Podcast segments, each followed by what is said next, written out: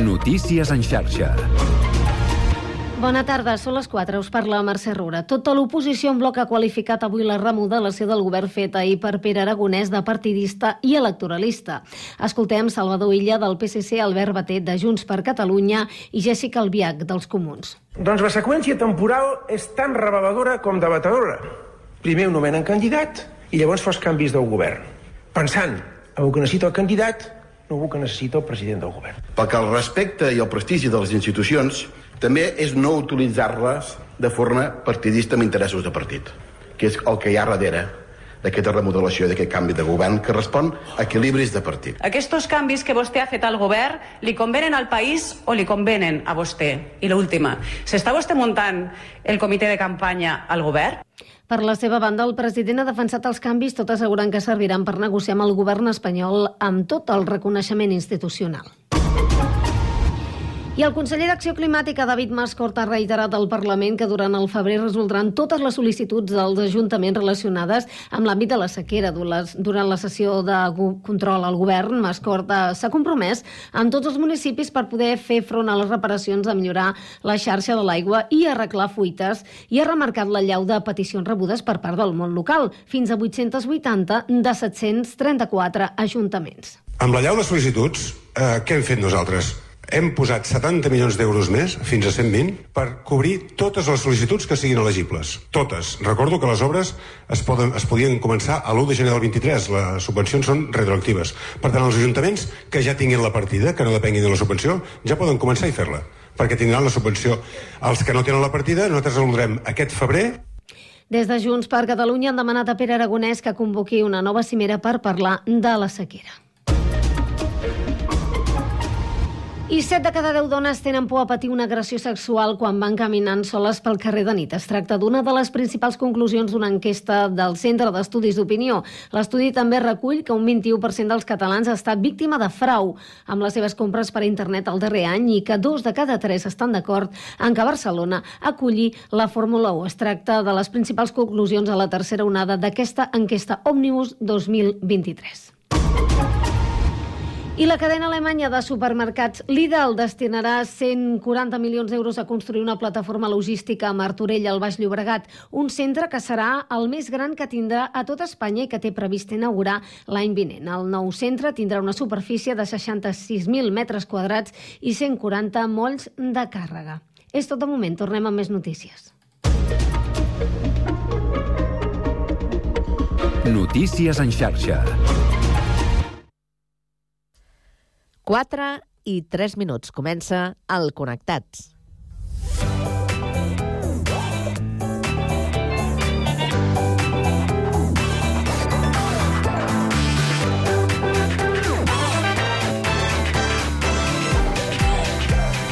Connectats amb Carme Reversa.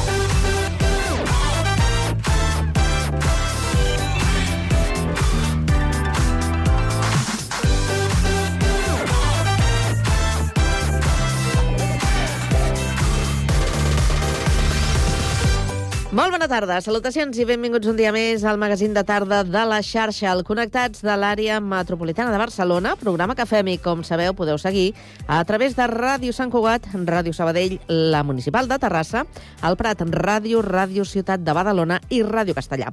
Una salutació de tot l'equip conduït a la part tècnica per Pablo Palenzuela, Sami Fernández a la producció i de qui us parla, Carme Reverte. Avui és dimecres 24 de gener i volem saber quin temps ens espera aquesta tarda.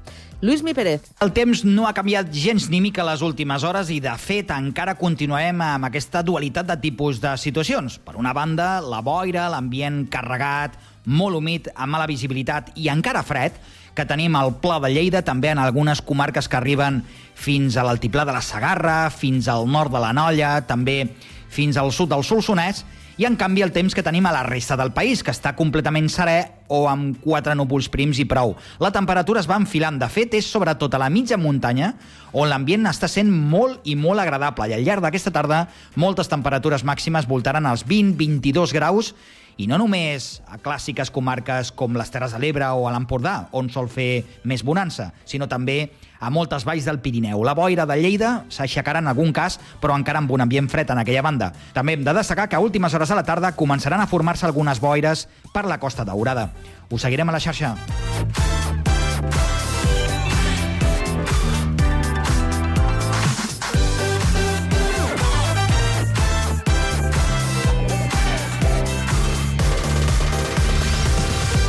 Avui al Connectats parlarem de l'aplicació de la zona de baixes emissions a l'àrea metropolitana de Barcelona. En parlarem amb Xavi Carol Carceller, investigador, en contaminació atmosfèrica al CSIC. Acabarem la primera hora amb la tertúlia generalista per analitzar com avancen els acords per la llei d'amnistia i les dificultats dels petits municipis per eh, complir els terminis eh, que tenen els eh, fons Next Generation. A partir de les 5 coneixerem el castellarenc Xavi de la Vega, pilot de cotxes de curses de muntanya. Continuarem amb esports per saber com afronta el rugby Sant Cugat una nova fase d'ascens a la divisió d'honor. I acabarem amb un nou episodi del Coses d'Ara, amb Oriol Carreras i Sergi Estapé. Tot això i més des d'ara i fins a les 6 de la tarda a la vostra emissora local. Connectats? Comencem.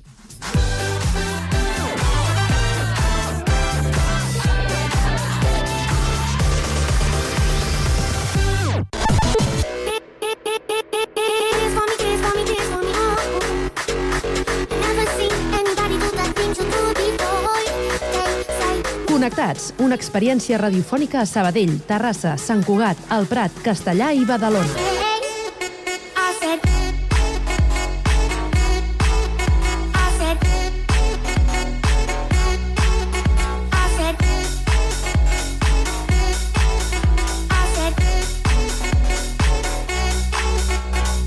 Connectats amb Carme Reverte.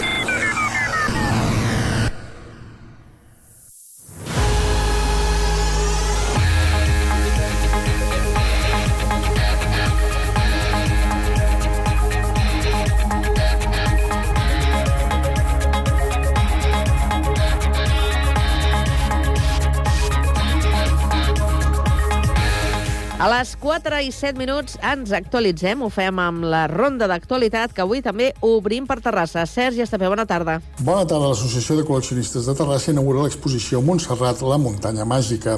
La temàtica ha sorgit de la col·laboració entre tots els membres de l'organització, els quals han aportat tota mena de records personals amb algunes peces que ja no es poden trobar, com per exemple els goig. L'exposició està dividida en dues sales, una part principal on es fa un repàs de la història de la muntanya fins als nostres dies, així com la seva flora i condicions geològiques, i una de més petita on podem trobar des de bíblies fins a una rèplica de la Moreneta que ha cedit Òmnium Cultural. La col·lecció permet descobrir l'estreta relació entre Terrassa i Montserrat, tot explicant la història dels primers pelegrinatges que van sortir de la ciutat i les pregàries que s'anaven a fer en temps de malalties. A més de l'Associació de Col·leccionistes, les organitzacions Amics del Cremallera, el Patronat de la Muntanya de Montserrat, l'Arxiu Comarcal i Òmnium Cultural hi han participat en la compilació. L'exposició es pot eh, visitar a la FAC Cultural de Terrassa tots els dimecres i divendres de 6 a 8 del vespre i tot fins al 3 d'abril. Gràcies, Sergi. Seguim el repàs de l'actualitat de la comarca. Anem ara a la cocapital, a Sabadell. Pau Duran, bona tarda. Bona tarda. Es busquen fotos relacionades amb Ferran Casablanques. El Museu d'Història de Sabadell vol estrenar una exposició sobre l'industrial i inventor sabadellenc durant la pròxima Festa Major. Enguany fa 150 anys del seu naixement i la mostra s'anomenarà De Sabadell al món. Ferran Casablanques, inventor i empresari, 150 anys. Els seus impulsors volen il·lustrar-la amb personatges que van acompanyar el també banquer i polític, com ara Josep Permanyer Sallent, Francesc Camprodon Bufill o l'enginyer Josep Noguera Ferreres. La comissària de l'exposició, Àngels Casanovas, diu al programa al matí que s'ha de reivindicar el personatge. Casablanques, en el seu moment, ja va tenir molts reconeixements, fins i tot reconeixements internacionals i reconeixements dins l'estat espanyol. Ara es tracta de reivindicar una altra vegada aquesta figura, fer-nos-la nostra, perquè és la nostra història, i veure que realment eh, els sabadellencs hem donat molt al món. El seu invent del sistema de grans estiratges a la filatura es va implantar arreu del món. Casablanca va registrar 73 patents a l'estat espanyol i des de Manchester més de 80. La resta de personatges de qui es busquen fotografies i testimonis els trobareu al web de Ràdio Sabadell. Gràcies, Pau. Ara anem fins a Litoral. A Badalona ens espera Andrea Romera. Bona tarda. Bona tarda, Carme. L'any 2023 l'Hospital Germans Trias i Pujol ha fet 106 trasplantaments de ronyó i 9 de pàncreas, unes xifres que han augmentat significativament en els darrers dos anys. L'any 2022 se'n van fer 95 renals i 6 pancreàtics. Tot i que la tècnica quirúrgica no ha canviat, sí que s'ha millorat l'abordatge mèdic i les pautes de tractament personalitzades, segons expliquen des de la unitat de trasplantament renal i pancreàtic dels Germans Trias. El perfil de les persones receptores són majoritàriament pacients d'entre 30 i 50 anys amb diabetis tipus 1 i que tenen un dany renal associat a la malaltia. Pel que fa als donants post-mortem, són en gran part per accidents vasculars cerebrals i els vius persones sanes que fan un acte de generositat. Tot i que el nombre de donants vius no han augmentat gaire, de 10 al 2022 a 12 al 2023, des dels germans Trias destaquen l'èxit dels trasplantaments. Ho ha explicat la cap de la unitat de trasplantament renal i pancreàtic, Anna Vila. Un ronyó de donant viu és excel·lent des del punt de vista de qualitat. És un donant que hem pogut estudiar exhaustivament abans de la donació i que moltes vegades té una compatibilitat de teixit amb el receptor que fan que tinguin uns resultats excel·lents millors en general que els del donant cadavèric. Els professionals posen en valor l'elevada taxa de donació d'òrgans a l'Hospital Germans Trias i Pujol, ja sigui de donants vius o de cadàvers. Gràcies, Andrea. Seguim ara pel Prat de Llobregat. Lluís Rodríguez, bona tarda. Bona tarda. Avui s'estrena al Teatre Acadèmia de Barcelona El Cuià de la Reina, una comèdia que ens portarà fins al Palau de Versalles de finals del segle XVIII de la mà de Ricard Ferrer i del dramaturg pretenc Arnau Puig, que juntament amb Marta Pérez representen a escena fins a 11 personatges diferents. Una història d'embolics que involucrarà a personatges històrics com Lluís XVI i Maria Antonieta. Escoltem Puig, que parla de l'origen d'aquesta història. La ràdio, de fet, és l'origen de, de tot aquest projecte. Un podcast de ràdio de, de la cadena SER, i a partir d'aquí vam, vam començar a investigar si realment era ben cert, si només era aquella versió. Hi ha moltes versions de la història, uh -huh. vam anar documentant, i després vam anar intentant com podem explicar aquesta història amb dos actors. El Cuià de la Reina es podrà veure a l'Acadèmia fins al proper 18 de febrer. Gràcies, Lluís. Lluís, i ara seguim, tornem al Vallès i ens quedem a Castellà. Guillem Plans, bona tarda. Bona tarda. Un total de 3.290 alumnes participaran fins al 8 de març en l'onzena edició del Bram Escolar, el projecte del Festival de Cinema de referència de la comarca del Vallès Occidental. És una iniciativa conjunta de la guia didàctica de l'Ajuntament i del Club Cinema Castellà. S'ha programat enguany un total de 18 projeccions que comptaran amb la participació dels centres d'infantil, primària i secundària de Castellà. Les projeccions s'han iniciat aquesta mateixa setmana. Les projeccions a l'ESO i a batxillerat comptaran, a més, amb sessions dinamitzades. Gràcies, Guillem. I abans de marxar un repàs a l'actualitat de Sant Cugat eh, de la mà de Sami Fernández. Bona tarda, Sami. Molt bona tarda, Carme. El Pi d'en Xandri és una de les entrades més conegudes al parc de Coixerola. La seva imatge, amb una gran branca separada, fruit de l'afectació de la nevada de 1962, i el seu tronc apuntalat per tutors, s'han convertit en un símbol que aquest 2024 fa 250 anys. I és que una de les coses que ha, permet, ha permès el seu seguiment regular després de l'atac que va patir al 1997 és poder datar aquest emblema de la ciutat al 1774. Escoltem l'historiador i propietari de l'arbre i els terrenys, Domènec Miquel. Bé, això es, se sap perquè es va treure una mostra eh, es posa, diguéssim, com una mena d'aparell i es treu un cilindre de fusta que va fins al centre, llavors es compten els anells i aproximadament, aproximadament, doncs, aquest any tindria 250 anys. Eh? Pot ser que siguin 48 o pot ser que en siguin 52, però aproximadament, diguéssim, doncs, té 250 anys. Es tracta d'un pi pilloner de 24 metres d'alçada i més de 21 d'amplada, que s'ubica a, la a la finca de Can Carreres, al camí de Can Borrell, al sector de la Torre Negra. La seva ubicació i l'intent de talar-lo i cremar-lo l'han convertit en un símbol d'identitat santcugatenca i de preservació de l'entorn natural de la serra de Coixerola. De fet, fins llavors, el pi va passar força desapercebut, un dels tants que es plantaven per fer descansar els camps però aquest pi va ser declarat arbre d'interès comarcal i local i els santcugatencs se l'han fet seu. És de tots els santcugatencs, cada dia de l'any, tret d'un, diu irònicament el propietari, que és el 30 de juny, data en què arriba els cobraments dels impostos. Que el PIN més conegut de Sant Cugat té propietari, el Domènec Miquel, és un aspecte que segurament molts santcugatencs es coneixen. Com també que no haurien d'anomenar-lo Chandri, sinó Chandrí, ja que era el nom familiar d'un dels seus propietaris i el que li va donar aquesta designació. Sigui com sigui, Chandri o Chandrí, els santcugatencs encara podran gaudir molts anys d'aquests símbols de la ciutat, que compta amb un bon estat de salut. L'esperança de vida d'aquest tipus d'arbre és d'uns 400 anys.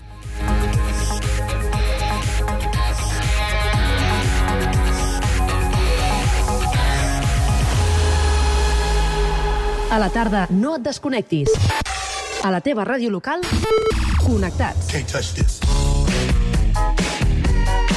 Can't touch this.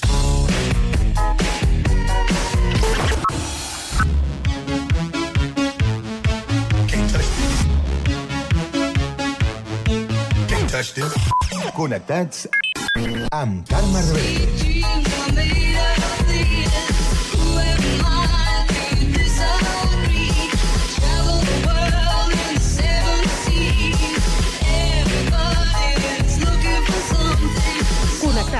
Una experiència radiofònica a Sabadell, Terrassa, Sant Cugat, El Prat, Castellà i Badalona.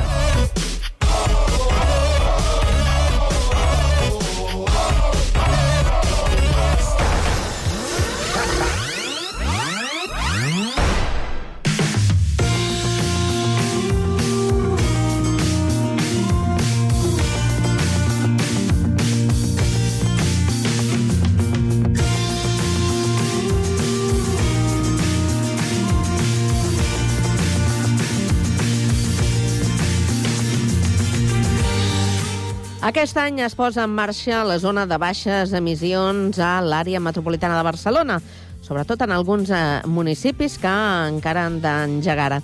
Una normativa polèmica entre la ciutadania, sobretot per la qüestió econòmica, però que és prioritària per qüestions ambientals i també de salut.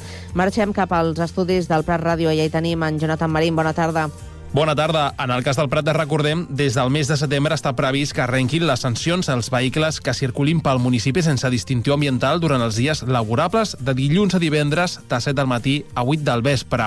Parlem de tot plegat amb l'investigador en contaminació atmosfèrica al CSIC, Xavier Carol. Bona tarda. Hola, molt bona tarda. Com és d'important que entri en funcionament la zona de baixes emissions? La qualitat de l'aire és, eh, és la que té, eh, té un impacte en la salut pública enorme. I llavors els epidemiòlegs ens, di ens diuen és que dels paràmetres ambientals és el que més efecte té en la salut actualment. No? Si parlem a nivell de la, de, de la Unió Europea, dels 27, doncs l'any 2020 s'atribueixen 2.000, perdó, 238.000 morts prematures durant aquell any degut a la contaminació per partícules en suspensió i 48.000 addicionals degut als òxids de nitrogen. Val? Eh, també ens diu la, el, el Banc Mundial, al seu informe de juny del 2016, que la contaminació atmosfèrica costa a nivell global el 4,5% del producte interior brut. I ens diu també la Comissió Europea, en la nova directiva, que invertint 5 euros eh, reduïm, eh, per reduir la contaminació, eh, guanyem 100 euros reduint la despesa, la despesa sanitària atribuïble a la contaminació. Per tant, és un tema ambiental i econòmic. Val? Llavors, l'evidència científica ha demostrat que l'impacte en la salut és elevat a nivells de contaminació inferiors als que pensàvem el 1999 quan es va fer la primera directiva. No? I, per tant, l'esforç eh, ha de ser més gran. No? I encara que tinguem ara ciutats que estan complint, per exemple, d'òxid de nitrogen 40 micrograms per metre cúbic a nivell anual, la directiva nova ens demana que bueno, replaçarà aquests, 90, aquests 40 per 20. I, per tant, moltes ciutats de Catalunya incompliran aquesta normativa. D'acord? I sense posar un, un escenari absolutament negatiu, és al revés. La Comissió, l'Agència Europea de Medi Ambient eh, va fer un informe i va demostrar que la mortalitat atribuïble a la contaminació a 1990 era d'un milió de, per- de, de morts prematures anuals i actualment estem a 235.000, 38.000. És a dir, hem reduït eh, més d'un 70, eh, és de més d'un 75% eh, la mortalitat. Per tant, hem de mirar eh, de que nosaltres mantinguem aquesta esperança de vida llarga que tenim, però en una alta qualitat de vida. Mm -hmm. uh, parlem de xifres. Uh, en aquests moments, en el cas de l'àrea metropolitana de Barcelona, en quins nivells de contaminació ens movem?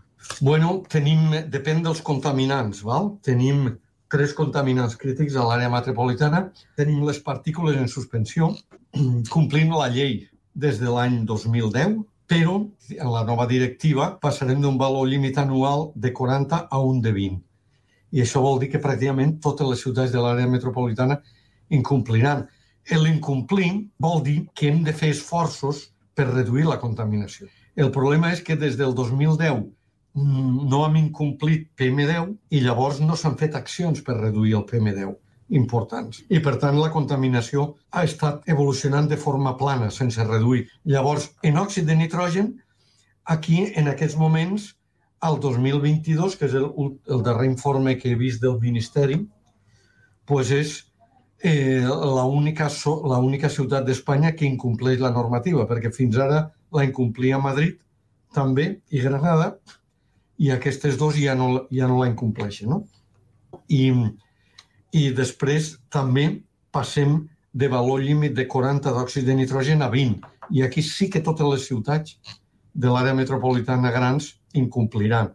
Per tant, són aquestes me mesures. I finalment tenim l'ozó. L'ozó és un contaminant secundari que es genera a l'atmosfera a partir dels òxids de nitrogen i altres contaminants. No? Quin percentatge d'impacte de reducció tindrà la zona de baixes emissions? En el, en el sutge dels dièsel, pues a la millor pot ser un 20% eh, de reducció perfectament. No sé, i a més varia en cada ciutat, d'acord?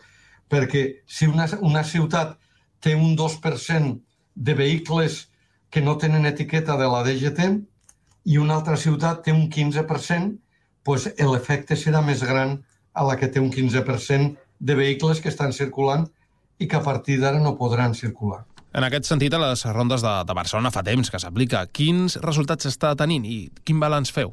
Bueno, molt positiu, molt positiu, eh, sobretot perquè la gent ha pres consciència que si té un cotxe contaminant, a la llarga pot tenir problemes.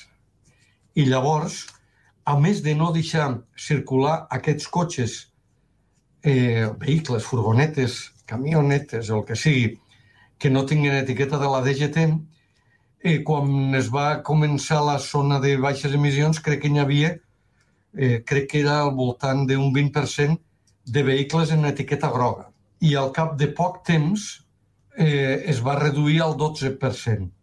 Per tant, no solament aquests cotxes que s'han eliminat de la circulació, sinó l'ensenyar de que els cotxes han de ser nets per circular i la possibilitat de que t'afectin les prohibicions el dia de demà ha fet que molta, molta gent se'l canvi, no? I després, eh, eh, eh, bueno, pues, eh, aquests vehicles vells s'han canviat per un dièsel nou o per un benzina nou. Ara més benzina que dièsel. Però també val a dir que un dièsel actual és tan contaminant com un benzina, no és més contaminant. D'acord? Per la qualitat de l'aire. El que ens preocupen són els dièsels antics i els benzina molt, molt antics. Al Prat tenim un aeroport i un port molt a prop. Cada dos minuts s'enlaira un avió amb els motors a màxim rendiment, deixant l'ambient proper a la ciutat ple de fums. I des de les xemeneies dels vaixells veiem com surten grans columnes de fum negre. Un pretenc amb un cotxe antic que no pot circular potser pensa que s'està sent injust amb ell, no? Bona pregunta. I és normal que es pensi.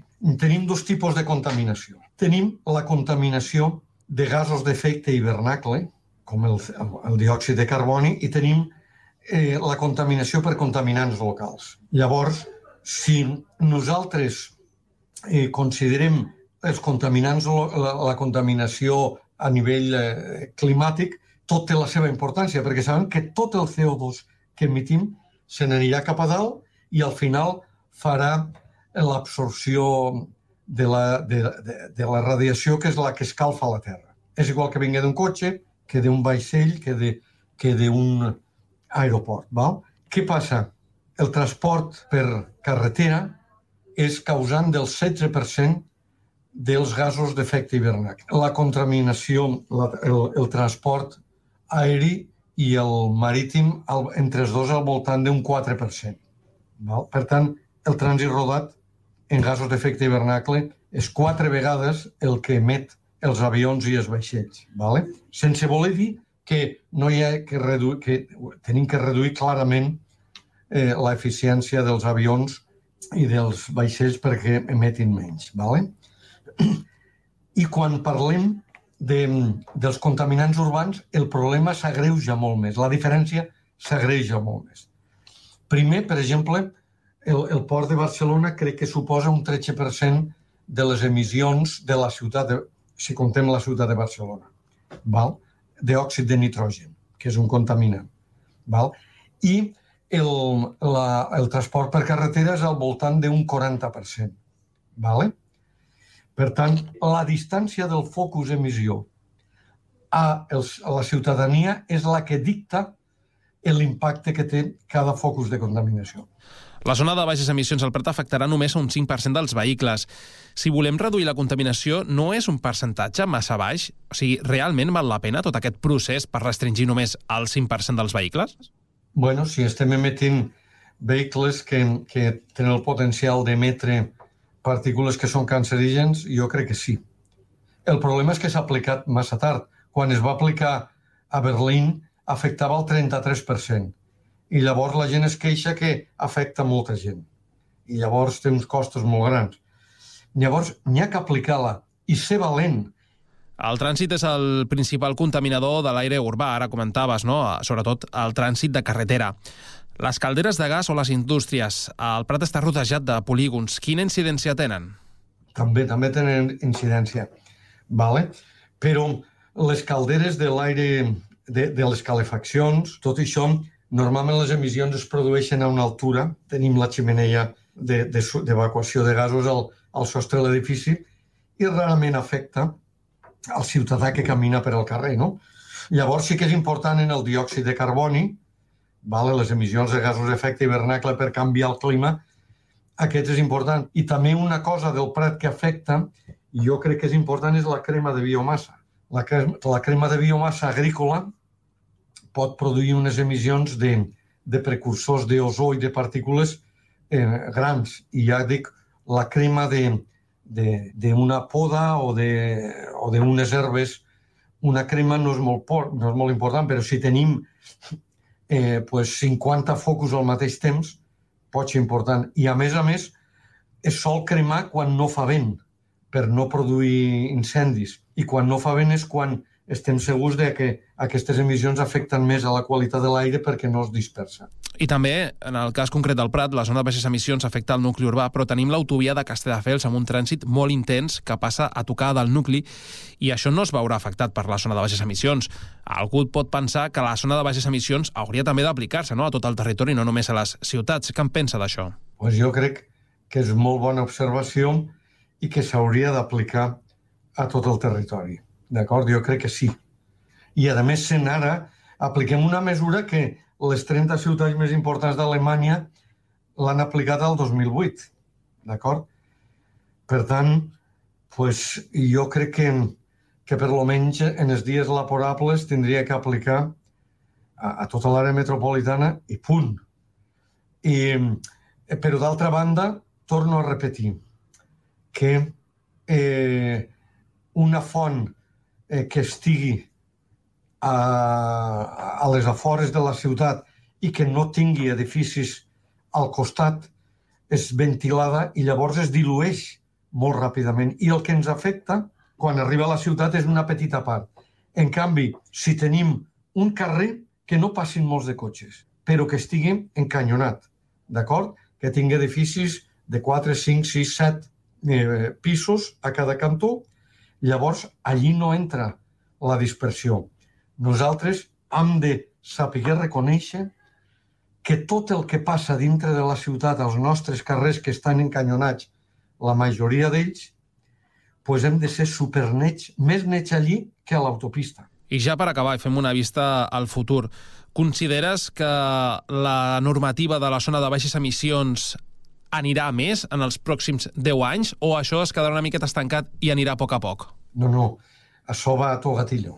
Nosaltres portem un retard terrible. No ens han apretat molt des d'Europa, però ara ve una directiva nova. I a, a les discussions de la directiva, el que, el que ha dit la Comissió Europea és que el defecte més gran que ha tingut la directiva que és ara vigent és que des de l'infringiment d'un valor límit, des de l'incompliment d'un valor límit fins a la sanció econòmica ha passat molt de temps, o no ha passat, d'acord? I ara han canviat perquè si una ciutat eh, ha incomplert el valor límit d'un contaminant i no justifica unes causes que siguin creïbles per la raó de que no ha, fet, no ha pogut fer més per, per, per aturar aquest eh, infringiment, serà sancionada. I quan és sancionada econòmicament, pues les sancions solen ser de 75.000 euros al dia fins que es compleixi la directiva. No a la ciutat, sinó a la zona de qualitat de l'aire. Llavors, eh, els costos seran increïbles i solament faltaria que els ciutadans respiréssim aire contaminat innecessàriament perquè els nostres polítics no han aplicat les mesures que devien, però a més dels nostres impostos hagin de pagar una sanció per això. Seria per fer una rebel·lió. I per tant, Europa ens exigirà. I llavors el canvi, la prohibició de la restricció dels eh, eh, vehicles amb etiqueta B, que ja està restringida pràcticament a tota Europa, aquí serà la, el pròxim pas i no tardarà molt, no trigarà molt. Doncs estarem pendents de veure com avança aquesta normativa. Xavier Carol, investigador en contaminació atmosfèrica al CSIC. Moltes gràcies i molt bona tarda. Gràcies a vosaltres per difondre aquest problema que ens afecta a, tot i, a tots i, i que tenim que prendre conscien més consciència d'ell.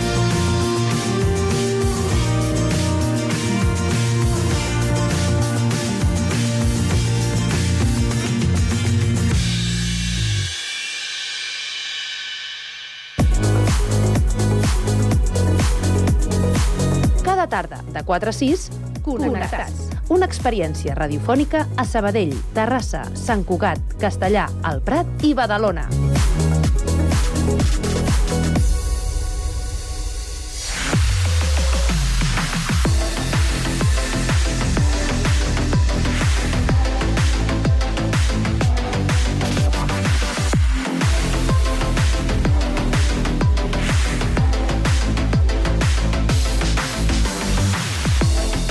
Passen 3 minuts de dos quarts de 5 de la tarda i ara és moment per a l'opinió. La tertúlia a tres bandes, que avui la compartim amb eh, l'Eric Arenas, que és psicòleg, i el tenim al Prat. Eric, bona tarda. Què tal? Bona tarda. Molt bona Com esteu? tarda. Tot bé? Tot bé, tot bé. Aquí estem, esperant gaudir de la tertúlia. Molt bé. Doncs avui la compartiràs amb l'Agustí Bernat, també, que és advocat, i el tenim a Castellà. Agustí, bona tarda. Hola, bona tarda. Com estàs? Eh, av- avui sí que no hi haurà soroll de fons, ni m'enganxeu amb cap dinar ni res. Avui estic totalment per vosaltres. Però jo un altre dia t'espero a l'estudi, eh? Eh, espero, eh, espero que sí. Home. Espero que sí. Que sí, que, que, que està molt, molt xulo ara, t'escoltarem molt millor. Sí, i Mi, tant, millor que per telèfon, eh? i tant que sí. Vinga, uh, Francesc Ribot, ex-regidor d'Esquerra Republicana per Catalunya a Badalona. Què tal? Bona tarda. Bon dia des de Badalona. tot, tot bé. Tot bé, també? Sí? Sí, sí, sí. De moment la salut aguanta, que és el més important, i o sigui que endavant. I el 2024, doncs, uh, va, va passant, eh? Va, va, va volant. D'aquí, res, quatre dies uh, haurem girat ja la primera, la, el primer full eh, del calendari. O sigui que el gener, que és el que més costa, és una mica més... Uh, fa, fa pujada. A l'Agu- a l'Agustí, que és, també té, té una certa edat, potser una mica més gran que jo, també es, em donarà la raó que quan tens, eh, passes d'una certa edat, els dies i els mesos sembla que passin molt més ràpids. Sí. I tant, sí, sí. Tot, tot, totalment d'acord. I a més a més, ara que jo, jo, jo porto un parell d'anys ja eh, preju prejubilats, t'asseguro que encara passa més ràpid. que no sé per què tanta pressa, total. Sí, no, i, tant, i, i arribarem igual, o sigui que... Arribarem igual, efectivament. Bé, doncs, eh, mentre arribem i no arribem, eh, avui ens entretenim eh, parlant d'un parell de, de qüestions que us proposo, eh, qüestions eh, que tenen a veure amb la política, que gairebé tot, de fet, eh, ja ho diuen, tot és eh, política, però eh, dins de l'àmbit de la política estatal, de la política espanyola, i amb eh, aquests acords i aquests pactes que s'estan eh, treballant amb els partits independentistes, eh, doncs eh, ahir teníem novetats respecte a aquesta nova llei d'amnistia que s'està treballant i que encara a dia d'avui doncs, eh, s'està acabant de matisar i de, de lligar doncs, eh, algunes, algunes qüestions. Però hi ha, un, hi ha una qüestió important que ahir se'n feia en ressò la premsa, i és que Esquerra, Junts i el PSOE han pactat eh, que el terrorisme quedi fora de l'amnistia només si es vulneren eh, drets humans. Això què significa? Doncs que casos i causes com l'operació Judas i, i, i a Tsunami Democràtic doncs, eh, fossin causes amnistiades. Eh, jo la primera pregunta que, que us faig és si per vosaltres aquestes dues... Eh, mm, aquestes dues eh, causes, la de Judas i la de Tsunami Democràtic, vosaltres eh, enteneu que, que són eh, o es poden qualificar de, de terrorisme? Pregunto. Qui comença? Eric, tu mateix, vinga. Comença, comença tu, Eric, que tens la veu més jove. Vinga, va, començo jo mateix.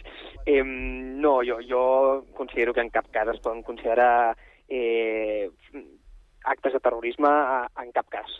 En cap cas. I, i és més, jo crec que aquí el, el debat és un debat conceptual, també. No? És a dir, estem permetent que el, el Poder Judicial, que, es, que els jutges, uns jutges determinats en aquests casos, no? eh, vulguin imposar la seva percepció sobre terrorisme. I crec que aquest tema és un tema a, a debatre en si mateix, no? És a dir, què entenem per terrorisme cadascun de nosaltres i sobretot què estan entenent per terrorisme els jutges. Jo crec que és una terminologia que, que mm, any rere any i, i en aquestes últimes etapes no, de, de tot aquest conflicte eh, territorial que hi, ha, que hi ha a Espanya, històric, no, eh, s'ha banalitzat molt. S'ha parlat de terrorisme a, a fets com, per exemple, cremar containers o fets com aturar un aeroport i, i jo crec que cal també reflexionar sobre què estem parlant quan parlem de terrorisme. Jo personalment considero que no són actes terroristes a les qüestions que, que aquests jutges estan volent doncs, imposar al, al poder legislatiu, no? però que el més interessant és veure com el poder legislatiu, en aquest cas el Congrés dels Diputats, no? doncs està fent esforços in extremis i esforços que jo crec que mai havíem vist a la, a la història contemporània d'Espanya, no? per tal de vincular una llei que es basa profundament en la desconfiança del seu poder judicial. No? I jo crec que això és un element capdalt amb el que ens estem trobant novament i crec que és important també poder analitzar. Molt bé. Eh, Francesc, Sí, bueno, a veure, jo crec que tot el que va passar al voltant de l'1 d'octubre, eh, si ho simplifiquéssim molt, era senzillament que uns ciutadans eh, llu- lluitant per exercir uns drets i uns altres aparells de l'Estat que lluitaven per reprimir aquests fets. O sigui, el terrorisme en cap cas es va produir per part dels ciutadans. En cap cas. No ha... O sigui, a més a més, a l'estat espanyol, que hem patit hem patit el que és el terrorisme durant dècades, que sabem el que és el terrorisme, que hi hagi partits que es diuen d'estat, que vulguin banalitzar, com molt bé deia l'Eric, aquest concepte és trist, lamentable. O sigui, en cap cas. Eh, I si eh, la llei d'amnistia ha tingut que ser modificada, ha sigut per, per fer-ho de forma reactiva, perquè el jutge García Castellón, que va estar anys sense tocar ni mirar eh, el, el cas que afecta el Puigdemont, a la Marta Rovira i amb altres, dic, ho va reactivar quan es va aprovar la llei quan es va presentar la llei d'amnistia, per mirar com s'ho podia fer per encabir tota aquesta gent i poder continuar-lo jutjant. I per això, i a més a més que van córrer missatges a través de plataformes de jutges per intentar aturar l'amnistia per la vessant policial. Però, esclar, no és una actitud eh, que tingui cap, cap relació amb la justícia, si són per posicionaments polítics previs dels jutges. A més a més, el García Castellón, els que tenim memòria, recordarem que va ser un jutge que, eh, sembla que fa l'any 2006 o alguna així, eh, l'Aznar el va nomenar eh, per fer exercici de jutge d'enllaç a, a París. Ha estat eh, 16 anys visquent fora de l'estat espanyol amb un petit sou de 120.000 euros, eh, i que va ser cridat eh, a tornar a l'estat espanyol quan el PP es va veure, es va veure que eh, jutjaven el cas Lezo, el, ca, el cas Púnica, o sigui, eh, un jutge que té tots uns precedents claríssims de vinculació directa a l'entorn del Partit Popular, aquest és el que està fent tot el possible perquè la causa de l'amnistia fracassi i ho portin als jutjats. Per això s'ha tingut que filar tan prim, tan prim, tan prim, per evitar que l'aparell judicial, que actua com un aparell al servei del PP, pugui, pugui eh, fer, naufragar tots els esforços que es fan tots perquè cap persona que va participar amb els fets de l'1 d'octubre, del tsunami, eh, del CDR, cap d'ells va fer res que, que s'acostessi a lo que es podia dir de terrorisme. Mm? Mm -hmm. eh, Agustí. Serà, serà un placer. Jo, perquè, en fi, no puc estar en absolut d'acord amb tot el que heu dit vosaltres. Uh, per una banda, o sigui, això de que els jutges actuen amb una vessant política i tot això, a veure, no, no ho qualificaré pel respecte que us tinc. Però és que els, els jutges es limiten a fer aplicació de la llei. O sigui, si no s'ha canviat la llei antiterrorista, no s'ha canviat la legislació que combat aquestes accions, doncs l'han d'aplicar, i punto. I per què dic això? Perquè si, eh, si, ja, ja, que, ja que volem tenir memòria, anem a dir tot efectivament, aquí hem patit durant, vam patir durant pràcticament 50 anys unes accions terroristes lamentables, i aleshores, durant un temps, resulta que aquestes començaven a baixar una miqueta el pistó i va començar a sortir l'anomenada Cali Borroca. I aleshores, eh, eh, què fem, amb, què fem amb això? Pues, clar, no passaven de ser dos ordres públics i de més. I llavors, amb l'acord de tots els partits polítics, aleshores, Convergència inclosa, convé recordar-lo, Convergència inclosa, es va reformar la llei i es va dir que la Cali Borroca tindria el tractament de terrorisme. I què s'està fent? S'està aplicant ara aquella legislació. Per tant, els jutges actualment estan aplicant aquelles lleis. Punto 1. Punto número 2. El problema de tot... O sigui, no entraré a jutjar el tema de l'amnistia, eh, eh, que senzillament ho trobo una, una aberració tan grossa però aquí un, un dels problemes principals està de cara resulta eh, es, es vol amnistia tota una sèrie de fets, vale, molt bé, però que ens vulgui sortir un senyor que es diu ministre de Justícia, que en digui que sí, terrorisme sempre i quan no afecti els drets humans, Oye, que m'expliquen això de sorber i soplar la sopa al mismo tiempo, o que es pot dir una cosa i la contrària. Si un terrorisme que no afecta els drets humans, a veure, que m'ho expliquin perquè jo com a mínim no ho entenc. I a partir d'aquí, eh, aviam, eh, evidentment, totes les persones que l'1 d'octubre van sortir a fer el que van fer estan dintre de la seva llibertat. Allà, allà cadascun amb la seva consciència i amb, i amb el que vol fer. Però és que no estem parlant d'aquestes persones. Estem parlant d'uns grups determinats, molt concrets, que els han trobat, com a mínim, hi ha indicis molt seriosos de que estaven, eh, estaven fent servir explosius entre altres coses. A partir d'aquí, anem a veure, jo com a jurista he de respectar molt tota l'actuació dels jutges, he de respectar molt el que, el que diguin els tribunals. I quan hi hagi una sentència, quan s'hagi fet tot un judici, aleshores en parlarem. Però en el mentrestant, a veure, com parlava l'Eric de banalitzar, a mi no m'agrada mai ni la política ni la justícia fer un salvament que aleshores aquí qualsevol pugui sortir a dir la seva perquè és que correm el risc de, de, de cometre errors. Jo, jo només puntualitzaria un parell de coses del que deia l'Agustí, que és que um, si considera de que els jutges acaten la llei i respecten la llei, quan el Consell General del Poder Judicial, el màxim òrgan judicial d'aquest estat, hi ha jutges que porten 5 anys sense renovar-se i altres que porten 10 anys. Els jutges que han de donar exemple i complir la llei són els primers a incomplir-la. O què pensa, no ho dic jo, ho va dir ahir el senyor González Pont dient que el Tribunal Constitucional era el càncer del sistema judicial. Aquestes declaracions fetes per no un qualsevol, una persona que ha sigut ministre, vol dir que no, qui desconfia del Poder Judicial? Del Poder Judicial desconfia tothom, desconfia tothom. El, el senyor Bolaños desconfia del, de, tant del Poder Judicial que ha, tingut, ha tingut que eh, pactar amb Esquerra i amb, i amb Junts aquestes puntualitzacions del que és i no és terrorisme perquè ja sabem que els jutges estaven esmolant les eines i eh, si això no és interferir amb la lluita política pues, ja em diràs tu que baixi Cristo i, i ho veixi. O sigui, mm, no hi ha independència del poder judicial. Qui ho digui és que es vol enganyar a si mateix en aquest país, eh? És que, a part, mira, et, et dono la raó i, i, i, et, i et diré per què. Me'n vaig a l'any 85 o 86, quan va sortir la famosa sentència del cas Romassa, que va arribar al Tribunal Constitucional. O sigui, i és públic, i, o sigui, i, i això és públic, i qui, ho vulgui, qui vulgui veure les hemeroteques, allà ho té. Es va declarar al final, el Real Decret que feia l'expropiació de Romassa es va declarar constitucional pel vot de qualitat del president, perquè rebre, va rebre una trucada del senyor Felipe González dient-li que si votava en contra, el desgavell que hi hauria a l'Estat seria terrible. A partir d'aquí estic totalment d'acord. La justícia té un greu problema de credibilitat. I, i, i per no entrar-te en qüestions ja menors de, tribu, de tribunals inferiors, perquè com a advocat he vist autèntic, autèntiques barbaritats fetes per jutges. A partir d'aquí, en fi, ja pod, pod, podríem començar a parlar d'altres temes.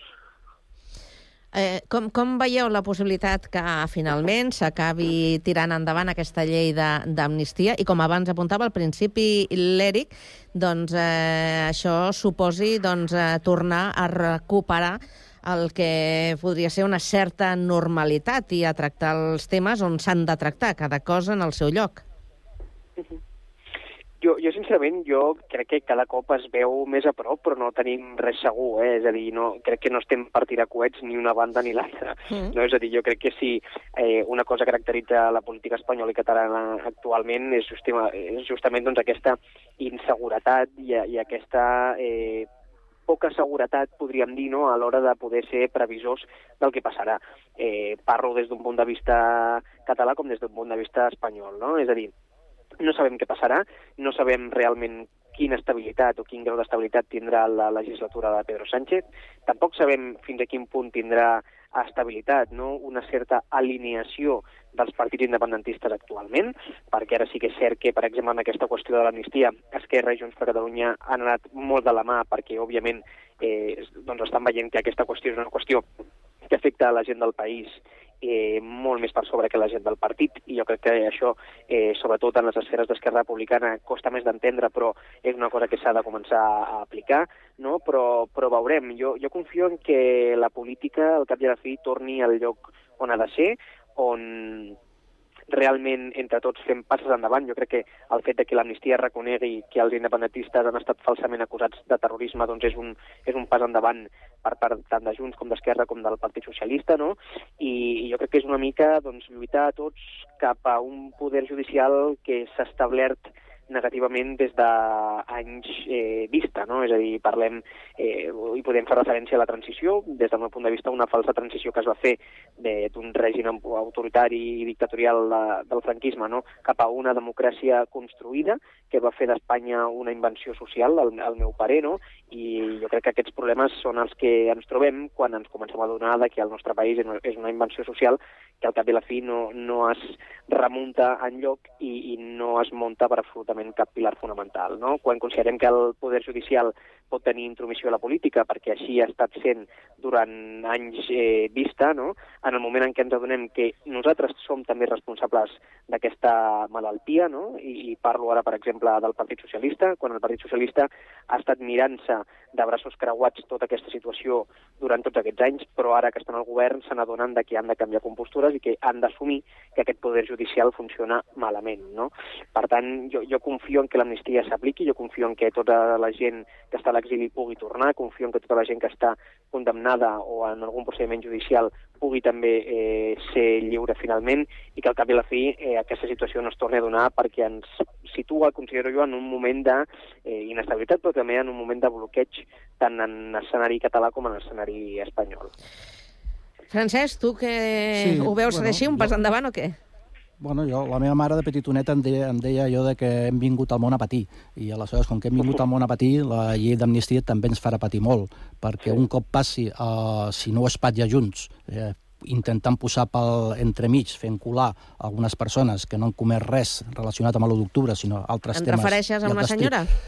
Eh, per exemple. Eh? Si, si això no s'espatlla, si això no s'espatlla i això avança, eh, un cop l'haguem aprovat amb les esmenes que, que hi ha ara damunt de la taula, eh, la pilota estarà en mans dels jutges que vulguin... Eh, per això també la- la l'acord, la, les esmenes que s'han fet, també van en la línia de que eh, un cop s'aprovi la llei d'amnistia, que quan un jutge, que un jutge si demana prejudicials o un jutge demana una consulta al Tribunal Constitucional, que això no pugui frenar eh, l'aplicació immediata de la llei. És a dir, que les persones que estan a l'exili poden, puguin tornar, que les persones que estiguin en judici eh, tornin a, eh, que quedin suspesos automàticament i que recuperin tots els drets que, dels quals mai haurien d'estar haver estat eh, privats. No?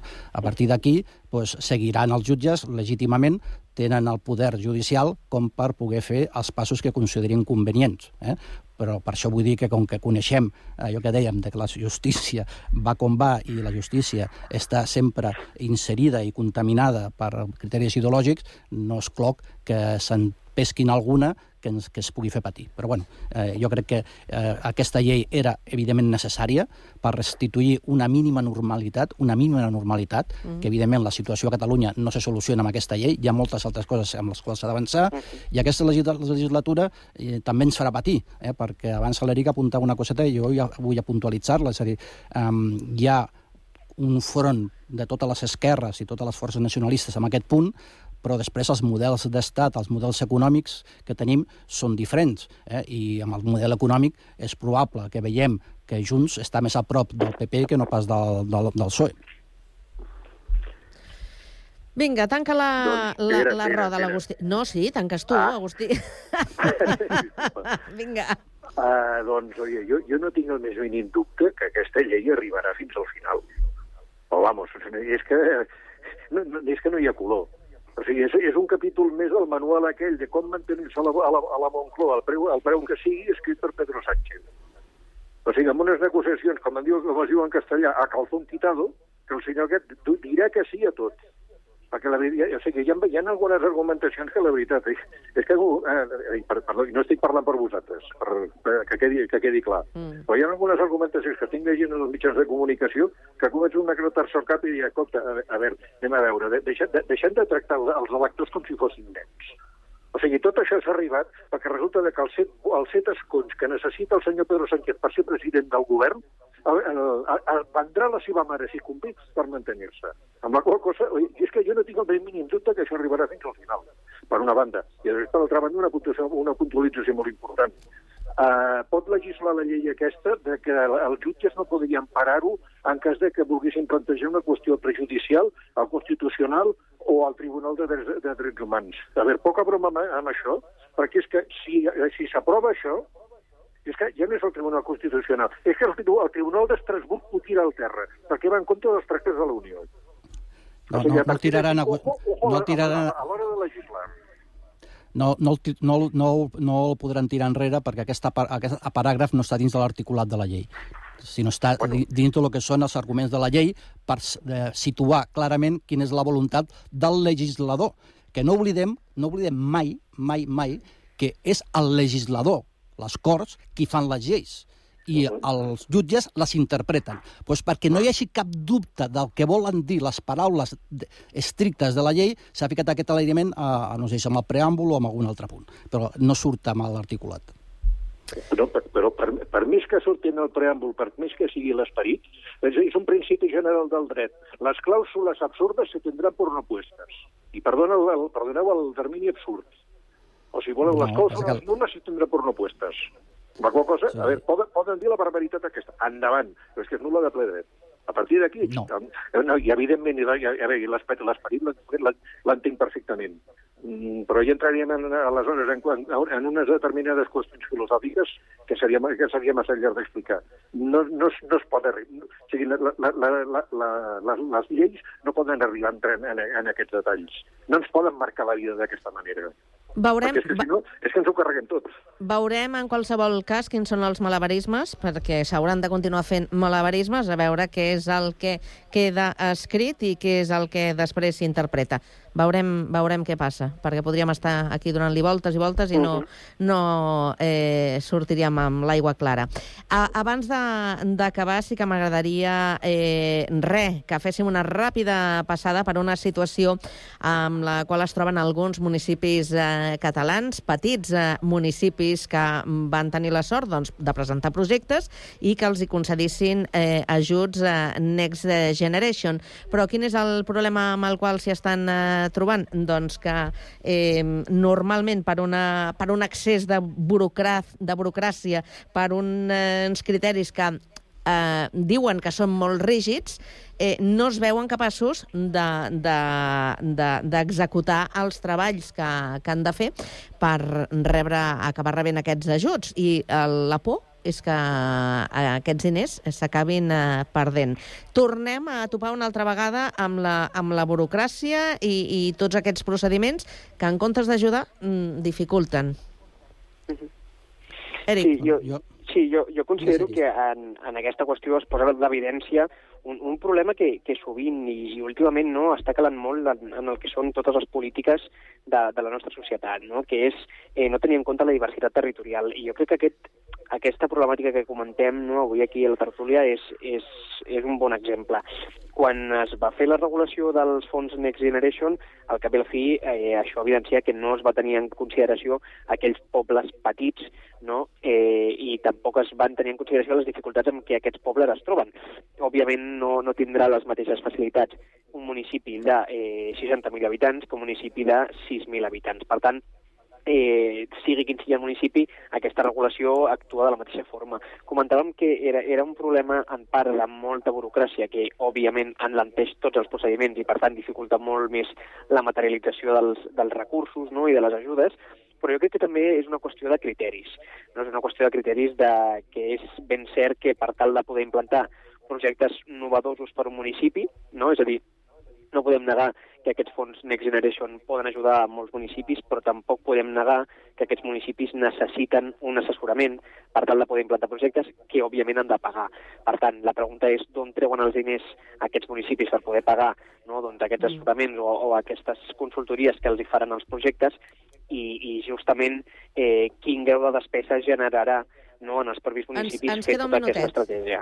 Ens queda un, minu un minutet molt ràpid, Francesc. Sí, no, a veure, uh, aquest, això, és- això és una situació crònica que pateixen els municipis petits. O sigui, per fer una dada, només el 13% dels municipis petits han, han, han arribat a tindre alguna vegada uh, ajudes de finançament europeu. Tot i així, uh, en aquest cas dels fons europeus, és veritat que es, es van presentar tard, es van presentar moltes traves, però sí que és veritat que els, uh, els ajuntaments petits han tingut la col·laboració de les diputacions provincials, almenys per la part de Lleida que conec, sí que les han tingut, eh, a, tra a través dels Consells Comarcals, a través de la Generalitat. El problema que tenen és molt divers. Per Hem de exemple, marxar, eh? Hem de marxar. Molts, molts han de tindre recursos propis per poder pagar-se un advocat o per fer un projecte. I, a més a més, hi ha el nivell d'endeutament dels Ho deixem- petits que sobrepassa. Ho, deix ho deixem aquí, ho deixem aquí. Agustí, et queda pendent una intervenció. vale? Cap problema. Ho deixarem aquí. Gràcies als tres, que tingueu molt bona tarda. Que vagi molt bé, igualment. Adéu-siau. La música més propera a tu a Ràdio Sant Cugat.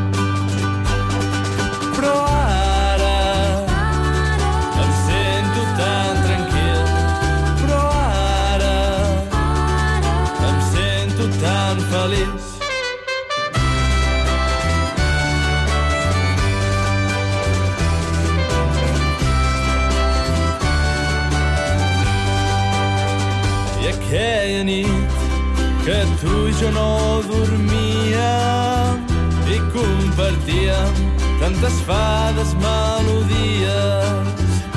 Em vas dir, em vas dir a cau d'orella molt suaument que era el teu nom.